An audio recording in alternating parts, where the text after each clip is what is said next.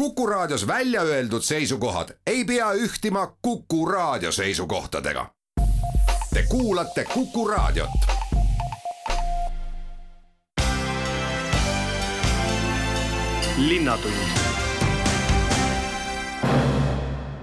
tere tänane saade räägib läbi kaheksa intervjuu sellest, mis ülikoolilinnas toimub, mis peab hakkama toimuma, mida tehakse, mida plaanitakse, kuidas meelt lahutada, oma teadmisi täiendada. ehk vihjed täpsemalt lahti lüües võtame kõneks Riia ja Aardla ringi, räägime karjääri ja töömessist ja olukorrast siinsel tööturul, rahvusvahelisest elurikkuse roheringi projektist Kalevi filmi muusika loomisest, ajarännakutest ja beebiteatrist.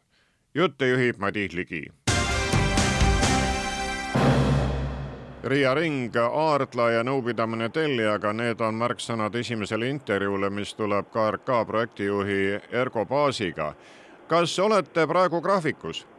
me oleme graafikus jätkuvalt, äh, ütleme, graafik on uuendatud küll siin suve jooksul paar, paar korda nii-öelda, aga see, mis on nii-öelda jämedalt kuu aega ja kaks kuud siin olnud, selles graafikus me püsime. võib-olla oleme vahetanud mõningaid töölõike ja võib-olla mõni on siis saanud nõks päev-kaks varem valmis ja mõni on siis natuke võib-olla paar päeva nihkes, aga jätkuvalt nii-öelda pingutame, et, et jõuda õigeaegselt kas raharaam on jäänud endiseks või nüüd muutunud oludes on tulnud äh, juurde kaubelda? raharaam on äh, praegu meil sama, äh, juurde tuleb kaubelda kindlasti, sest et tegelikult raam on läinud ikka väga paigast ära ja, ja meie, meil oli ikka väga palju selliseid töid, mis said nii-öelda hinnaralli mõttes kõvasti pihta. ja,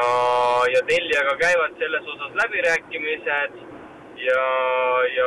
ütleme, et lootus püsib, aga viimased päevad on muidugi meedias olnud nii-öelda teede valdkonnas väga kuidagi selline negatiivne kajastamine, et eh, loodame parimat. tellijaks on siis Maanteeamet ehk riik? transpordiamet ja tegelikult seal eh, noh, tema on nagu kõikide tellijate esindaja. tegelikult on tellijaid meil seal rohkem, on ka Tartu linnavalitsus, on ka Tartu Veeverk väikse osaga, Kesk-Katomaja näiteks ja üks arendaja ka, lepinguid on meil seal rohkem tegelikult see oli täiesti tavaline objekti koosolek, mis toimub iga kahe nädala tagant, aga kuna see objekt on lihtsalt niivõrd, niivõrd suur, siis need koosolekud on meil veninud ikkagi tõesti täitsa siin kahe-kolme tunni peale ja see ei ole pigem enam mitte arutlus, vaid niisugune täitsa tavaline. et arvestades seda, et me nendel perioodidel teeme ka vahele näiteks eraldi öö, väiksemaid koosolekuid, on mingisuguse haljastuse või, või mis iganes muul teemal siis, siis see maht on ikkagi veel, et mis nii-öelda iga kord nagu läbi käiakse. Tavaline on ka see, et selliste suurte tee-ehitusobjektide puhul on palju ümbersõite, liikluse ümberkorraldamisi ning sel nädalal siis ei saa kohe linnast Riia tänavat pidi välja sõita, sellepärast et Riia ringi ehitus tõmbab vähemalt ühe suuna ajutiselt kinni Valga maantee lõik on nüüd kõige viimane lõik, mida tegelikult pikalt planeerisime, et saab ehitada ka nii-öelda pool poolega ja oleks pidanud seda sulgemist tegema, kuigi leping meil lubab seda teha. Äh, lihtsalt seesama liikluse ümbersuunamine tundus niivõrd valulik, et äh, mõtlesime, et äkki õnnestub pool poolega ära teha, aga kuna seal on teatud torutööd on ikkagi niivõrd sügaval ja niivõrd aeganõudvad, siis, äh, siis kahjuks me pidime nii-öelda selle sulgemise tegema. kahjuks on ta liiklejale või kindlasti ehitajale on ta mõnusam, me paneme kinni ja saame ruttu teha, on ju. aga, aga, aga jah, selline, kuidas ma ütlen, see oli justkui nagu sunnitud valik jõuame Riia tänavalt Aardla tänavale, seal on Telliskivi ees, nii et alt läbi sõita ei saa, küll aga annab see pildi sellest, milline on siis liikluslahendus, kuidas saab liikuda ringi peal siis, kui objekt on juba lõpetatud. jah, täna on seal liiklusskeem selline, et bussid pääsevad alt läbi ehk siis ühistransport on nagu ikkagi noh, saab seal liikuda, aga aga täna näiteks alustasime siis äh, linna mineva Aardla tänava, siis Aardla ja Savi tänava ringil hakkasime ehitama siis poolt ringi, mis veel oli tegemata. täna oli freesimine, homme kaevamine. seal tegelikult on ka nii-öelda tööde prioriteet väga tähtis ja, ja me tahaksime selle ikkagi siin loetud nädalatega valmis saada, et äh, varasemalt on läbi käinud, et oktoobri lõpupoole kindlasti tegelikult noh, loodame, et kui ilma vähegi on ja, ja asfaltsegu saab, siis äkki õnnestub ka seda tegelikult natuke lähemale tuua, et ehk juba oktoobri keskpaigas avada see ring seal äh, niimoodi, et saaks Aardla alt läbi sõita rahulikult linna ka selguse mõttes olgu siia vahele pistetud, et me teeme seda intervjuud kolmapäeva õhtul ja lõpetuseks, Ergo Paas, mis on järgmine selline oluline vaheetapp, ajapost, mis siis Riia ringi ehitusel tulemus on, mis liiklejatele rõõmu teeb? Liiklejatele teeb rõõmu see, kui me avame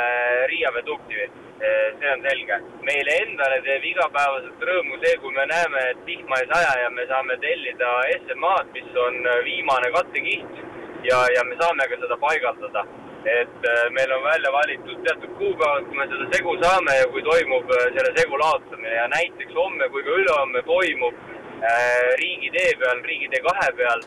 seesama Aarde viaduktist kuni Variku viaduktini näiteks selle segu paigaldamine ja selle segu laotamisega saab sisuliselt meie jaoks justkui nagu kõik projektne konstruktsiooni osa ehitatud ja, ja midagi lõplikult valmis. linnatund järgmised kaks intervjuud on salvestatud siin Töötukassas ja seda sellepärast, et praegu on käimas üks karjääri- ja töömess ja vaatame siis ringi ka, mis meie piirkonnas tooni annab selles segasus olukorras, mis meie ümber valitseb. ning alustan Juliana Teresovaga kuidas inimesed saaksid sellest töömessist osa, et nad oleks rohkem informeeritud? Tõepoolest, praegu käib meil online mess, mida saab siis kõige lihtsamini külastada, külastades meie veebilehe töötukassa.ee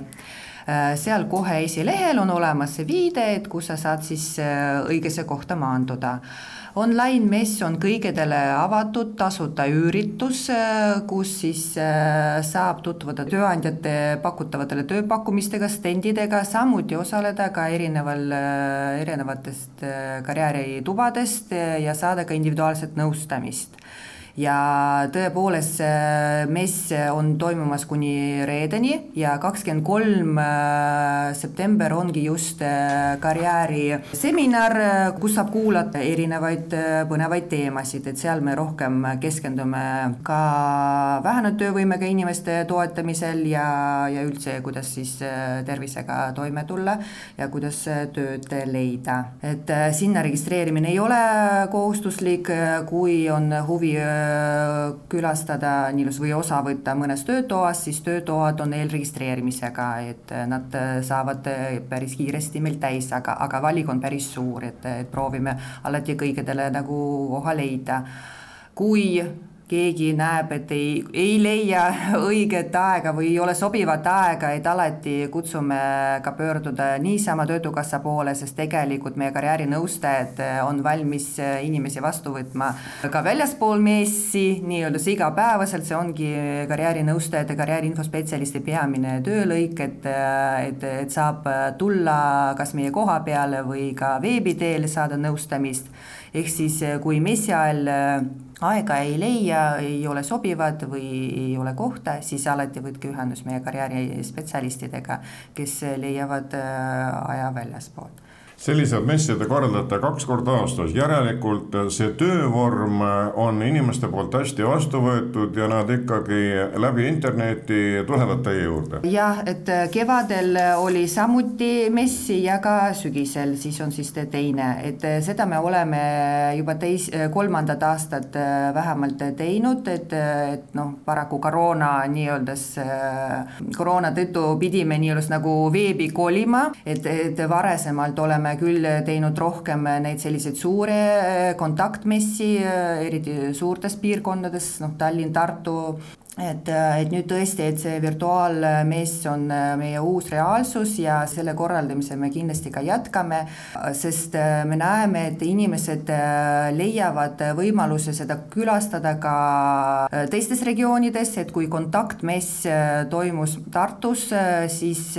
pigem Tartu linna elanikud, Tartumaa inimesed külastasid seda, samas online messil on võimalus ju tutvuda ka teiste maakonna tööandjatega ja võib-olla kui sa elad kuskil piiri peal, siis sa saadki ju tutvuda, mis meil siin Võru, Valga ja võib-olla ka Harjumaa pakub, et, et see annab nagu paindlikkust inimestele et äh, me muidugi saame aru, et äh, kõik inimesed ei ole digipädevad ja ei oska võib-olla seal äh, messilehel ringi liikuda piisavalt hästi, aga noh, selleks me oleme ka endiselt olema ka nii-öelda meie maakonnad, ehk siis kui inimene saab meie konsultandi juurde vastuvõtule saada vajalikku info, samuti me teeme selliseid väiksemaid värbamispäeve, see ongi just regiooniti ja see ongi kontaktüritus, et Tartus me me oleme viimase äh, poole aasta jooksul teinud äh, kolm värbamispäeva et, et just äh, viimane toimuski eelmine nädal, kolmteist september, et äh, ja ennem olid nad äh, meil mais, aprillis ja mais, ehk siis kolm värbamispäeva kontaktüritusena on olnud. ehk siis just näiteks Ukrainast tulnud tööotsijad, kes pigem on harjunud kontakteeruda tööandjaga otse ja suhelda nii-öelda nagu kas telefoni teel või minna sinna ukse taha, et nendele just sellised kontaktvärbamispäevad sobisid väga hästi, aga ka meie nii-öelda nagu kohalikud inimesed äh, on samuti väga hästi neid värbamispäeva vastu võtnud ja meie nõustajad äh, saanud ka tagasiside külastajatelt, et tõesti, et on äh, ka selliseid üritusi vajalikud. aga, aga tõesti, online-mess on hästi paindlik, saab tutvuda üle Eesti tööandjatega, saab külastada nii-öelda tööandjate bokse, noh neid virtuaalboksi ka õhtusel ajal, ka öösel, öösel ja tõesti siin mitme päeva jooksul, et, et see annab tegelikult noh, siiski kliendidele, noh inimestele, tööotsijatele palju rohkemaid võimalusi. Piret Rosenthal, tavaliselt on nii, et suviti hooajatööde aegu on inimesed rohkem hõivatud, neil on valikuid enam, kas see oli sel aastal ka niiviisi? jaa, et, et aprillis, mais siis oluliselt värbamiste maht kasvab, nii nagu see on olnud iga aasta. Ja võib-olla ainus sektor, mis äh, võib nüüd välja tuua, on ütleme jaekaubandus, teenindus, äh, mis tegelikult äh, on näitanud siis aprillist kuni siiamaani ühte ja sama trendi, ehk siis tööjõupuudus on väga suur. Et ka hooajatöö nii-öelda jätkub sügisel et selles mõttes äh, mingisugust sellist langustrendi näha ei ole, et, et pigem jah, see jaekaubandus ja teenindus äh, hetkel vaevleb väga suures tööjõupuuduses. no suur on ka palgasurve, kas need, kes Töötukassa kaudu siis pakuvad inimestele tööd, kirjutavad sinna ka palganumbri või see on nii-öelda kokkuleppe koht ja seda avalikult välja ei käida? Tegelikult äh, on äh, täna järjest rohkem ikkagi märgitakse siis äh, töö, töökuulutustele ka töötasunumbrit ja ütleme niimoodi, et, et, et uuringud on näidanud et, et kuuskümmend protsenti samuti äh, annab see nii-öelda töökuulutusele efektiivsust juurde. et mis, äh, mis Tartumaa puhul võib välja tuua täna, on see, et äh, me näeme väga vähe tööpakkumisi, mille juures on siis näidatud töötasu alammäär, et pigem Tartumaal on näha, et ütleme, see brutopalk hakkab ikkagi kuskil seal seitsmesaja viiekümnest eurost. ehk et siis see ongi kuidagi nagu natukene selline huvitav, et kuna kaks tuhat kakskümmend kolm töötasu alammäär on juba kinnitatud ja mis tegelikult saab olema siis ähm, seitsesada kakskümmend viis eurot, siis täna võib öelda, et Tartumaal see tegelikult juba ongi nagu äh, töötasu alammäär. et, äh, et trend on selline, et, äh, et töötasu makstakse täna ütleme seal seitsesada eurot bruto, millele siis lisanduvad ettevõtte poolt siis erinevad motivatsioonid motivatsiooni ja boonuspaketid, ehk siis sellist lihtsalt alammääraga tasustatud töökohta on täna üsna raske tööotsijale müüa. Kes aga praegu kõige lihtsamini töö saavad, ehk millised ametid on äh, ootel? oskustöölised käsitöölised, ehk siis noh, pigem inimesed, kellel on mõni erialane väljaõpe olemas, et et need on kindlasti konkurentsivõimelisemad, et, et, et ka tööstusettevõtted väga otsivad selliseid inimesi, kuigi neil on ka nii-öelda nagu need lihttöö, lihttööd on ka pakkuda nii-öelda, et ilma väljaõpeta, aga nüüd spetsialistid, noh, erineva taseme spetsialistid on alati hinna sees, et ka kui me räägime ka võib-olla tervishoiusektoris, et jällegi hooldajad ja medõed, kes ikkagi noh, mõnes mõttes ikkagi on sellised töötajad, kes on läbinud noh, kas kutse või noh, mõne pikema täiendõppe. Kas te olete niiviisi ka vaadanud oma statistikat ja neid pakkumisi nõudmisi, et üks tööandja otsib ja otsib, mitte kuidagi ta ei leia ka seda kohatäitjat Töötukassa kaudu, ehk mida oleks mõistlik ruttu õppima hakata ja saaks leiva lauale tegelikult täna nagu ütleme niimoodi, et nüüd noh, päris ühte nagu kindlat sektorit ei oska nüüd välja tuua, et see on noh, nende miinus või puudus või on siis äh, teatud valdkonnad, äh, mis on siis äh, tööjõupuudu sees. ehk siis hetkel otsitakse hästi palju siis puhastusvaldkonna töötajaid, ehitussektorisse keevitajaid, poemüüjaid, kokkasid, masinõmblejaid ja, ja lisaks siis ka veoautojuhte ja, ja töötajaid siis äh, töötlevasse tööstusse. nii et tegelikkuses, äh, kes täna tööd otsib, äh, selle valik ja tööpakkumiste põld on lai, et, et selles mõttes neid kõiki erialasid noh, ütleme veoautojuhid, õmblejad, töötlev tööstus, et, et nende järgi puudus on. linnatund abilinnapea Gea Kangilevski jutule tulin sellepärast, et Tartu Raad on otsustanud osaleda ühes rahvusvahelises projektis. no elurikkusest on meie linnas viimastel aastatel väga palju olnud juttu, mida see uus projekt nüüd juurde annab? annab juurde tegelikult süsteemset linnaloodusega tegelemist, et kui seni oleme elurikkuse puhul rohkem teinud selliseid katseprojekte, proovinud üht, teist ja kolmandat lahendust, siis nüüd tahame teha endale korraliku äh, sellise elurikkuse strateegia ja linnaloodusega siis äh, mõtestatult tegelema hakata. et äh, tõesti, olgu siis mõnedes kohtades elurikkust taastada, elupaiku korda teha, võib-olla ka uusi taimi, liike sinna tuua, aga teisalt mõelda ka sellele, kuidas inimene elurikkust mõtestab ja kuidas elurikkust inimesele lähemale tuua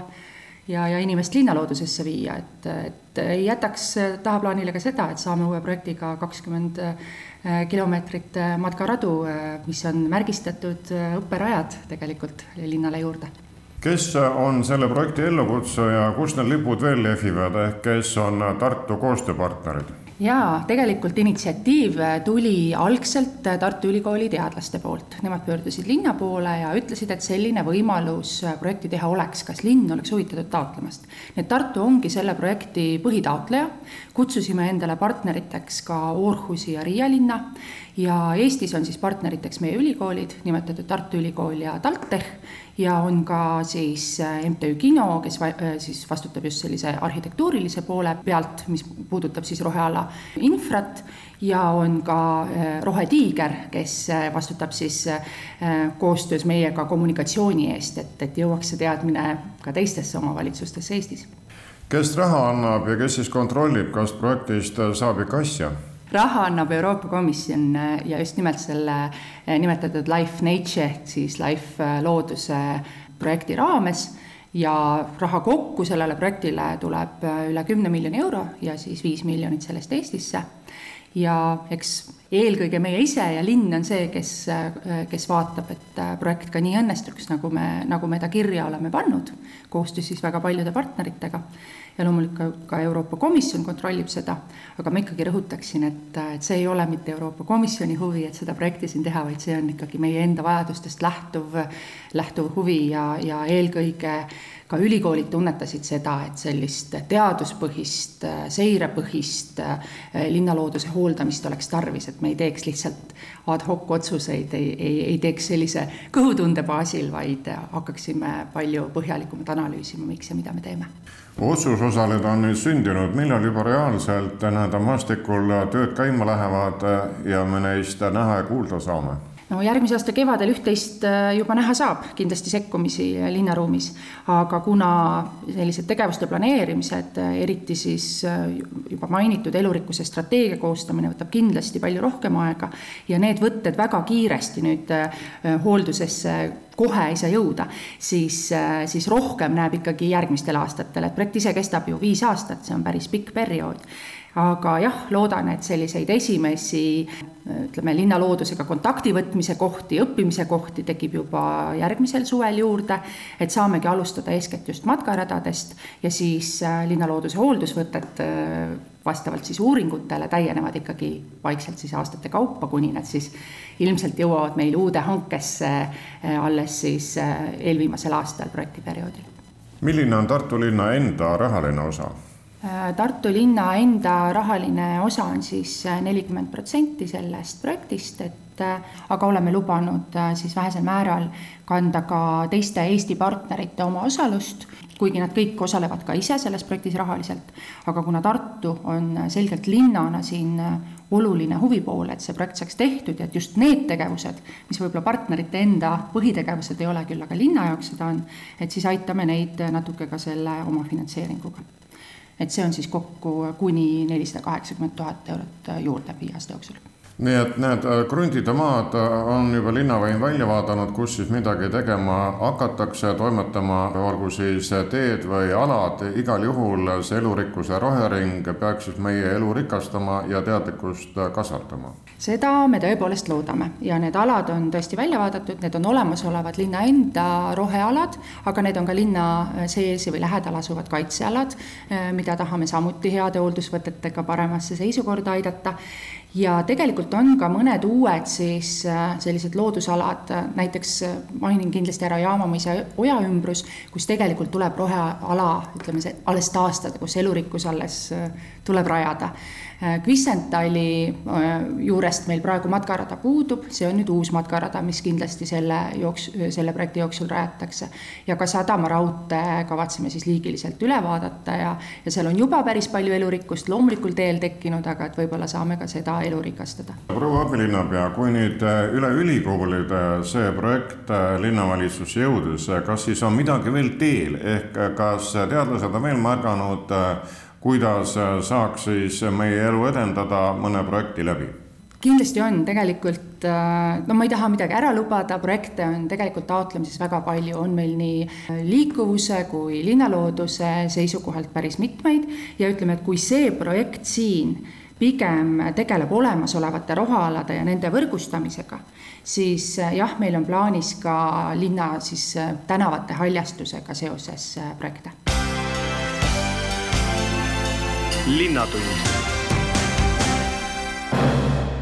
homme esinetendub esilinastub üle Eesti film Kalevi korvpalluritest ja kuna selle muusika on kirjutanud meie linnamees Mihkel Silmer juunior, siis kohe selle ka kõneks võtame. kuidas siis üks helilooja valmistub korvpallist rääkiva filmi muusika kirjutamiseks? No selle muusika kirjutamine oli tõesti väga huvitav väljakutse, kuna situatsioonis, kus filmis äh, on korvpallimäng, rahvahõiked saalis, meeste hääled, palli põrkamine, ketsid, on see helipilt juba nii kirju, et sinna mingisugust sobivat muusikat äh, otsa kirjutada on tõesti väga huvitav väljakutse. selle jaoks äh, sai proovitud paari erinevat lahendust, aga juba alguses hakkas tunduma, et see muusika ise peab olema ka võrdlemisi rütmiline, et sobituda sellise ka võrdlemisi rütmilise muu helimaailmaga. ja eks seda, kui hästi see õnnestus, on kõigil võimalik nüüd varsti peatselt näha ja kuulata kui palju aitas kaasa siis enda huvi pallimängu vastu või vanemate oma? Seda ma pean tunnistama, et nüüd ise ma kõige suurem korvpalli jälgija ei ole kunagi olnud, aga selle poolest on väga pikk ja põhjalik äh, kogemus selle kõigega minu isal, kes mulle kohe pärast seda, kui ma talle sellest filmist rääkisin, jutustas pikalt-laialt lahti kõik nii ajaloolise tausta kui mis mänge ta ise vaatamas käis, kui kõik muu sellise, nii et õnneks sain ma palju informatsiooni ka sealtpoolt. aga kuidas selline loometöö käib, kas kirjutate mitu varianti valmis või mõte sünnitab mõtet ja nii sünnib siis nii-öelda loomulikus pidevas järjestuses see lõppvariant? See on nüüd igal filmil natukene erinev, et äh, kõige tüüpilisem ja niimoodi juhtus ka sellel korral, on siis see, et alguses äh, me otsime seda üldist muusikasuunda. millised värvid, millised toonid, millised meeleolud ja tempod.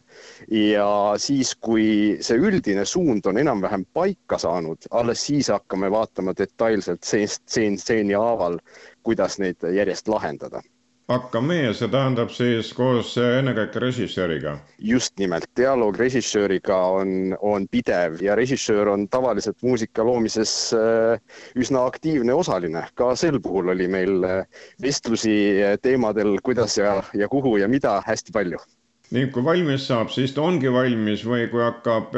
heli, muusika, pildiga kokku minema, siis vaata, et ai, siin peaks natukene ümber tegema sellel hetkel, kui on valmis, siis on valmis. küll aga, kui nüüd filmi lõpu kõike heli kokku miksitakse, siis sel hetkel tehakse muidugi eh, otsusi selle koha pealt, kui nüüd valju see muusika peaks olema ning eh, miksijal on ka võimalik erinevate pillirühmade omavahelise balansiga natukene mängida. näiteks tuleb välja, et ütleme, mingis kohas mingi löökpill kuidagi jääb kas dialoogile ette või, või midagi sellist, siis on võimalik sellel miksijal minna sinna sisse ja, ja, ja keerata seda ühte pillirühma vaiksemaks, jättes ülejäänu sama tugevaks kas filmihelilooja läheb ise ka esilinastusele või see on juba nähtud ning nüüd on teiste kord äh, emotsioone saada? Olen täitsa aus, et mina ei ole praegu näinud äh, nii-öelda lõplikku versiooni, nii et lähen küll ja vaatan suure huviga, kuidas välja kukkus. Te olete õppinud peale Tartu veel ka Glasgow's ja Amsterdamis ja kirjutanud filmimuusikat taani, inglise, iiri, soome ja muidugi meie filmidele ennekõike on tuntud teatud Tõde ja õigus, mis on praegu pooleli? momendil on üht-teist pooleli, aga ma kahjuks ei, ei tohi nendest asjadest rääkida kas pooleli on üks või mitu asja, kas meie maal või äh, mujal? on äh, pooleli kaks asja, nendest üks meie maal ja üks välismaal seega raskustele vaatamata on ikkagi filmiloojad äh, endiselt tahtmist täis ning loometöö käib ja pakutakse tööd ka filmiheliloojale tuleb tunnistada, et majanduslik olukord kogu maailmas ja sealhulgas filmitööstuses on ikkagi andnud teatud efekti selle suunas, et filme tehakse tänapäeval vähem ja rahastus on üldiselt natukene kehvem, kui ta mõnda aega tagasi oli. no siin oma roll oli kindlasti ka pandeemial, mille tõttu ka tegelikult Kalevi filmi väljatulemine venis päris, päris pikalt. ma just, kui hiljuti lõpetasin töö, siis mõtlesin, et ma otsin välja ja vaatan, millal ma tegin esimesed sketšid selle filmi tarbeks ja see oli peaaegu kolm aastat tagasi. vahepeal jäi selle filmi tegemine ju täiesti seisma, sest ei olnud võimalik filmida suuri massistseene, seepärast et olid piirangud. linnatund järgmine intervjuu Eesti Rahva Muuseumi Hariduskeskuse juhataja Kaari Siiemärg viib meid äh, laulupõlinnas äh, laulupeo sünniaastasse tuhande kaheksasaja kuuekümne üheksandasse, sellepärast et just nimelt tänasel päeval äh, see ajarännak ka toimub teatraliseeritud kujul, kuid enne seda vaatame siis seda viit aastat, mille olete läbi selliste rännakute rahvale teadmisi jaganud. kuidas ja kus? tegemist on ajaloo õppimise meetodiga time travel ehk siis eesti keeli ajarännak, mis välja töötati avaldati tegelikult juba tuhande üheksasaja kaheksakümnendatel aastatel Rootsis Kalmari muuseumis. ja see on väga tore eh, meetod just ajaloo õppimiseks selles mõttes, et inimene rändab ajas tagasi ja elab läbi ühe teatud situatsiooni. ehk siis alati peab olema aeg ja koht täna me tähistame siin üle-eestilist ajarännakute viiendat juubeli sünnipäeva väikese konverentsiga ja teeme ka ülevaate siis toimunud ajarännakutest aga kuhu need rännakud siis siiamaani viinud on,